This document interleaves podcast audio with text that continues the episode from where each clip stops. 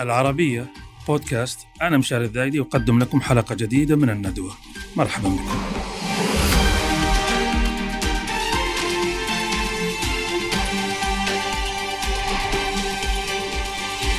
هذه المرة من البحرين آه، لؤلؤة الخليج ودانت هذا البحر العتيق الذي آه، آه، انجدلت على أمواجه الكثير من الحكايات والقصص منذ فجر الزمان. حول التجارة وحول الثقافة وحول التمازج الاجتماعي.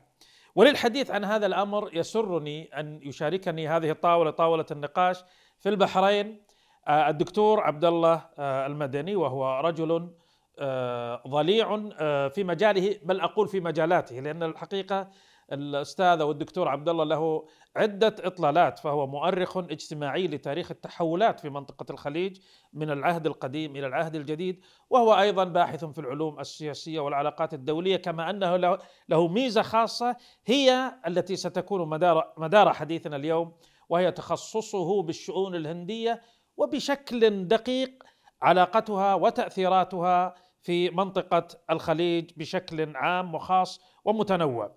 وأيضا له اهتمام مختلف وخاص فهو له إطلالة بحرينية وإطلالة سعودية. لماذا؟ لأن الدكتور عبد الله المدني ابن الخبر وله كتاب عن الخبر بعنوان الله يا وطرا مضى أو على طريقة حبيبنا راشد الماجد. أيضا صاحب الوجه البحريني الذي غنى أغنيته الشهيرة لمسلسل العاصوف الله يا وقت مضى.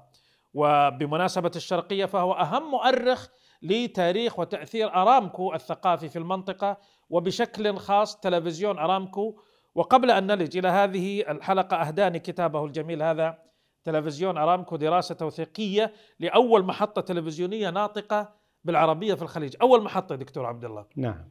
كيف آه، وتتك فكرة هذا الكتاب؟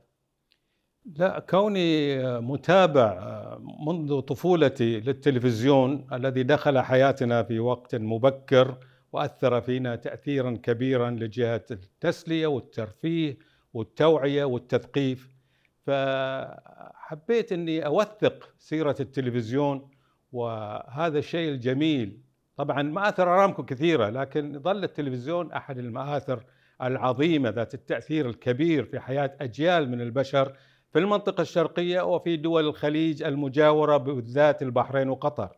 نعم.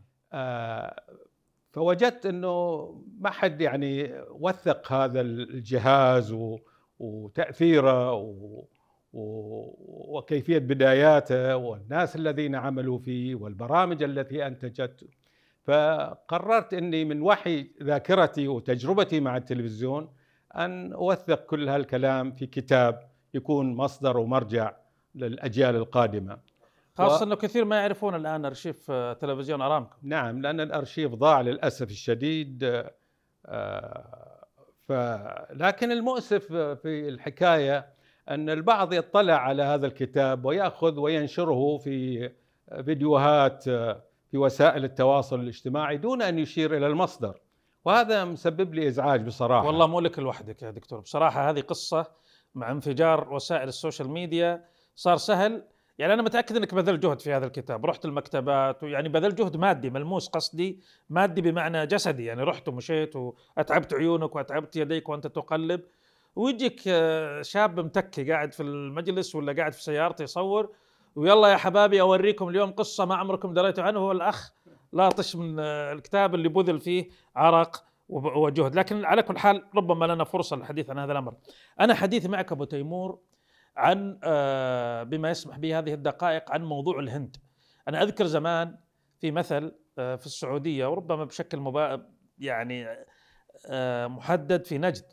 يقولون الهند هندك باللهجة العامية. الهند هندك إذا قل ما عندك. يعني الهند هندك إذا قل ما لديك بس عشان السجع. فماذا أو فما ما ما ماذا تمثل الهند لابن الخليج العربي في الأزمنة القديمة؟ والله بحكم تخصصي في هذا المجال وبحكم سنوات طويلة من عمري آه، جلست أبحث في العلاقات الهندية الخليجية وفي علاقات المجتمعات الخليجية بصفة عامة مع الهند.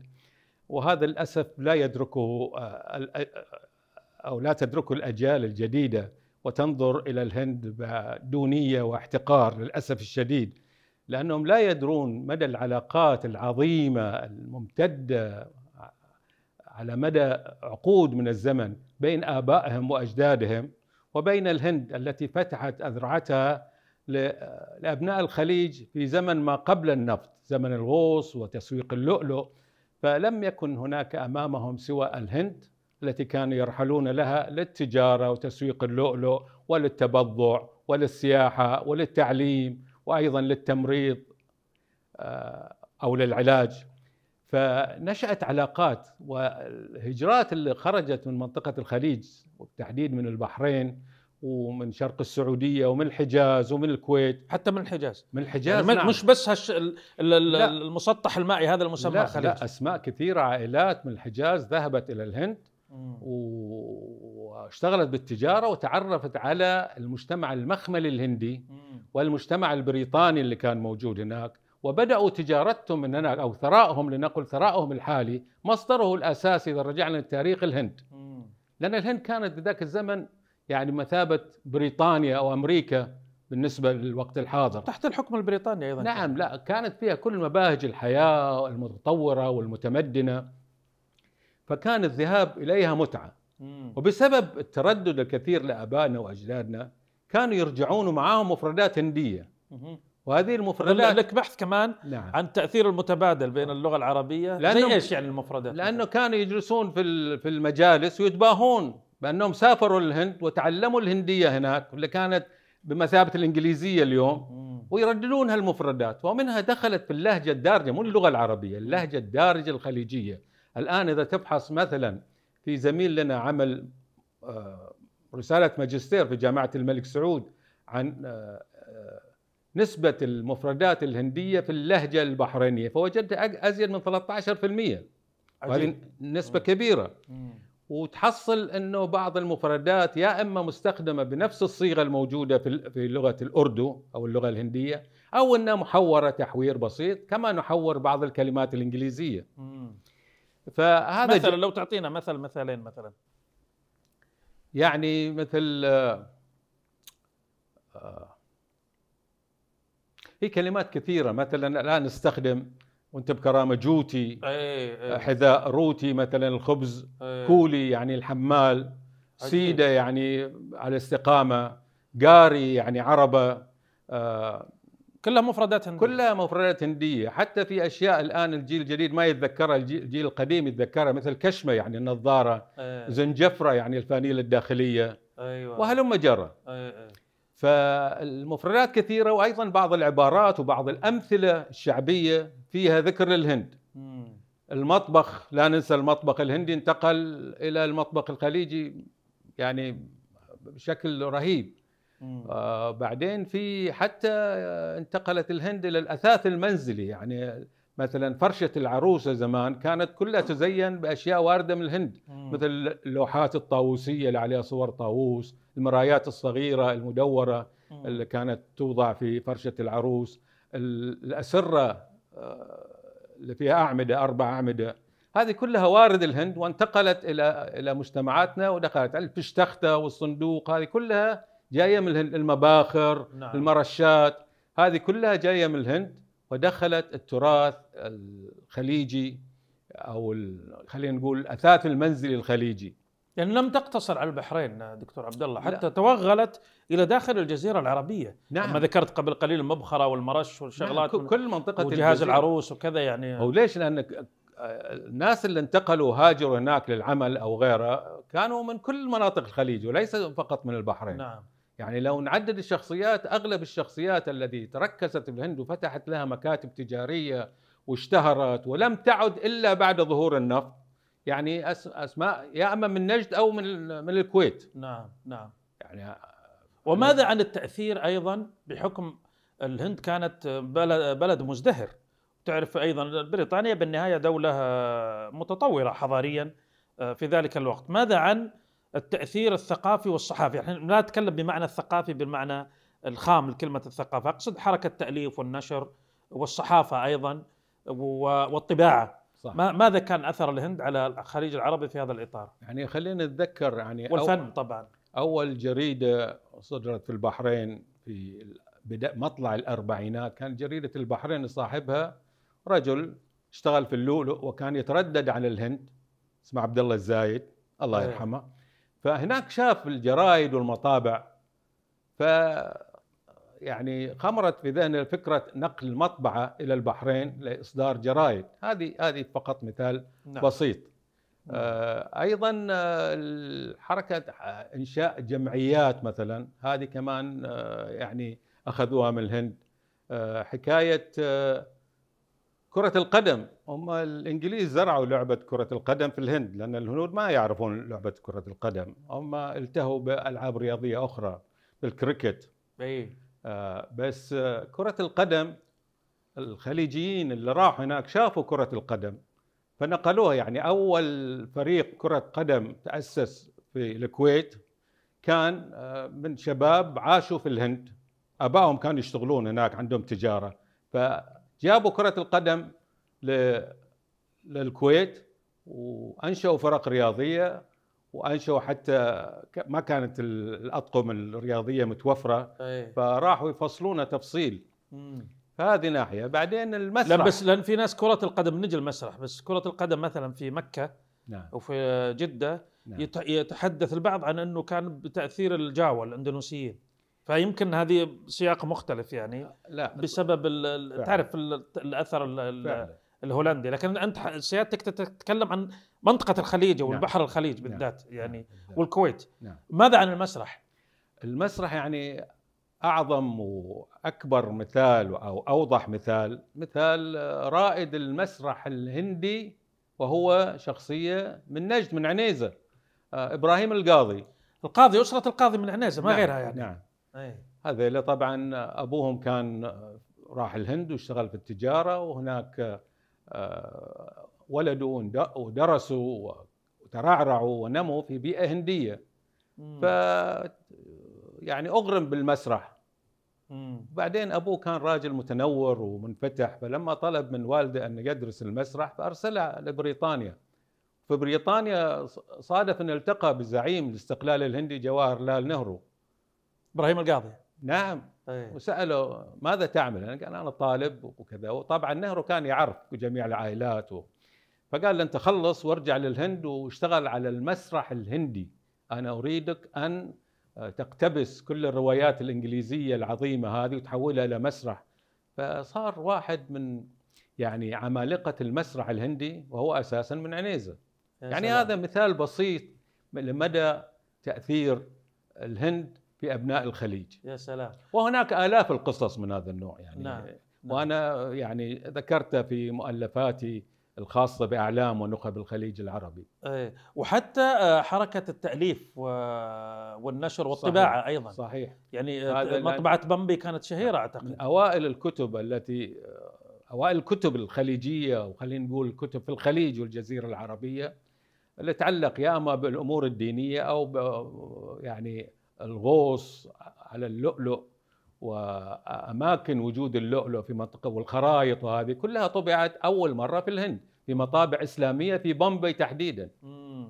طيب دكتور الآن طوفنا تطوافا يسيرا حول ماضي الهند آه، والأثر المتبادل بينها وبين النخب الخليجية تجارية كانت أو سياسية حتى ذكرت لنا كانت مصيف بمبي كانت مصيف للأثرياء والحكام صحيح. في منطقة الخليج قبل أن تظهر لبنان وقبل أن صحيح. تظهر يعني. صحيح. لكن لقائل أن يقول وماذا عن اليوم؟ أنت تتحدث عن الأمس. ماذا عن اليوم؟ هل ما زالت الهند تملك هذه القيمة؟ أنت حضرتك من أكثر الداعين إلى وجوب توثيق علاقات دول الخليج مع الهند. ولأكن أكثر صراحة وليس مع باكستان. لماذا؟ رغم أن الباكستان كانت في الماضي جزءا من الهند. لا أو اولا آه، قضية العلاقات بين السياسية بين منطقة الخليج والهند يعني مرت بظروف كثيرة وكان دائما عامل التوتير فيها آه، وجود عوامل ثالثة خارجية يعني ما لها علاقة بالعاملين يعني الخليج والهند يعني أطراف ثالثة وترت العلاقات نعم وأنا في آه، أطروحة لي أطروحة الدكتوراه ذكرت أن ثلاث عوامل أثرت على هذا. اولا العامل الباكستاني. والعامل السوفيتي باعتبار أن الهند كانت لها علاقات استراتيجية مع الاتحاد السوفيتي ودول الخليج في هذيك الفترة ما كانت منفتحة على الكتله الشرقية والاتحاد السوفيتي. وثالثا العامل الناصري باعتبار أن آه، نهرو وثق علاقاته مع عبد الناصر ونصبه زعيم القومية العربية. هذه الثلاث عوامل أثرت في سلبا وايجابا. أي في أزمنة مختلفة طبعا. نعم.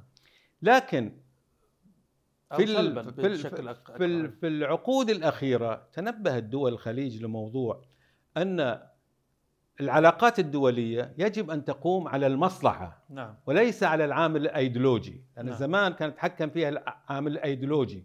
والله باكستان أقرب لي لأنها مسلمة فقط. مم. الآن عامل المصلحة. مصلحة الخليج أن توثق علاقاتها مع الهند باعتبارها قطب قطب إقليمي والآن سوف تصبح تصبح قطب عالمي. قطب في ماذا؟ قطب في جميع أو اولا هي تحتل مركز استراتيجي بعدين الصناعات عندها اكتفاء ذاتي في أمور كثيرة عندها آلة حربية عندها موقع دولي آه، كبير آه، وفي ثقة المجتمع الدولي فيها. باعتبارها دولة مستقرة طيب نرجع ليه- ليش الهند دولة مستقرة وعلى مدى هالسنين منذ استقلالها سنة 1947 لأن من البداية النظام السياسي ارتكز على ثلاث عوامل. العامل الأول آه، الديمقراطية. يعني آه، إنه آه، في نظام سياسي مستقر ما الجيش ما له علاقة أيضا الجيش جهاز مستقل لا نعم. يتدخل في السياسة ابدا. استمرت الديمقراطية. آه، انتخابات وتجي حكومة وتروح حكومة ويتبدلون قادة هلم جرا وبعدين العامل الآخر العلمانية. العلمانية حمت الهند. قد لا يعجب هالكلام بعض الناس. يفسرون العلمانية بتفسيرات البعد عن الدين. لا تفسير العلمانية وقوف الدولة على قدم المساواة مع جميع الأعراق والمذاهب الموجودة مكونات المجتمع. صحيح. أنا بعلق تعليق آه، آه، يعني فكرتك لفتت انتباهي. تعرف حضرتك إنه الهند بلد خليط من الأديان والطوائف واللغات والأعراق. لو تبنت آه، الأمة الهندية فكرة الانحياز طبعا الأغلبية الهندوس بس أغلبية ما هي. يعني فيه ملا- مئات الملايين من المسلمين وغيرهم المسيحيين أقل طبعا ممكن يصير في حرب أهلية في الهند. صح. فالعلمانية هنا وصفة لحفظ الأديان. نعم. وليس للقضاء عليها بس أنا لأن لفتت صحيح. انتباهي هذه النقطة يعني. هذا كلام سنة. الآن يتردد إنه والله الحكم هندوسي وقومي ومثلا يضايقون المسلمين ويسلبونهم حقوقهم. أنا أعتقد إن هذا الكلام جدا مبالغ فيه لأن هناك في نظام سياسي وفي قانون. مهما حاولت الحكومة أن المتضرر يلجأ إلى القضاء يلجأ إلى ال- الأجهزة الموجودة يأخذ حقه. يعني ما أعتقد إنه هناك في تمييز صارخ لهالدرجة. اللي يتكلمون فيها بعض الناس اللي ما عندهم أي فكرة عن نعم. المجتمع الهندي في وسائل التواصل الاجتماعي من أجل توغير الصدور ضد الدولة الهندية الصديقة بالمناسبة دكتور بعدما استقلت باكستان عن الهند بس لو. تفضل. أنا قلت ثلاث عوامل العامل الثالث الفدراليه مم. الفدراليه أيضا حمت الهند باعتبار أن قارة كبيرة ومتنوعة الأعراق والثقافات فالفدرالية جعلت كل ولاية لها حكومة محلية خاصة تدير شؤونها بمعرفتها يعني. مو لازم الحكومة الفدرالية في نيودلهي هي اللي تدير هذا وهذا حمت الهند من التفكك أعطت أعطت هوامش للحركة بالضبط واللي تمثيل الذات تمثيل الخصوصيات بالضبط. في كل بالضبط. إقليم صحيح. أيا كان نوع- مصدر هذه الخصوصيات الباكستان استقلت في ذات التوقيت نعم. الذي استقلت فيه الهند باعتبارها أمة مسلمة نعم. آه، جاني سؤال أو خاطر في بالي طيب النخب العربية الخليجية اللي كانت مقيمة في بمبي من الكويت من البحرين من الحسا من الإمارات من عمان من الحجاز نعم. آه، وكلها نخب مسلمة هل ذهبت إلى الباكستان بعد الاستقلال؟ قلة قليلة لأن الأغلبية كانوا موجودين في بومبي تحديدا وبعضهم في كلكتة بس بومبي باعتبارها المركز الاقتصادي والتجاري الأشهر في الهند كانوا متركزين في بومبي. آه، فكانوا مرتاحين يعني من معاملة الهنود لهم في بومبي. فليش يهاجروا يروحوا البعض القليل جات النزعة الدينية والله دولة إسلامية فليش ما نروح نعيش فيها؟ الظاهر الغريبة إن أغلب اللي راحوا الهند سرعان ما ردوا إلى إلى الهند لأن الحياة لم اللي راحوا الباكستان نعم. سرعان ما ردوا نعم. للهند. وأقرب مثال عائلة القاضي. نفس العائلة راحوا نعم. الباكستان ورجعوا. حمد القاضي قرر بعد أن- تقسيم الهند إنه يروح يعيش في كراتشي وأخذ عائلته معاه لكن ما تكيف فرجع. وإبراهيم القاضي قالها في في أحاديثه أو في المنشور عنه أن أسعد لحظة في حياتي يوم أخبرني والدي أننا سوف نعود إلى بومبي إيه. من طيب، كراتشي اليوم وسنختم بهذه النقطة. أنت ترى أن طبعا مش معنى هذا أنه يعني قطع أو يعني معاداة باكستان أو كذا لكن ترى أنه بالميزان الهند هي أهم لدول الخليج من باكستان بعالم اليوم. وما الذي يعني بنقاط محددة ممكن أن تفيده تف- تستفيده دول الخليج من الهند؟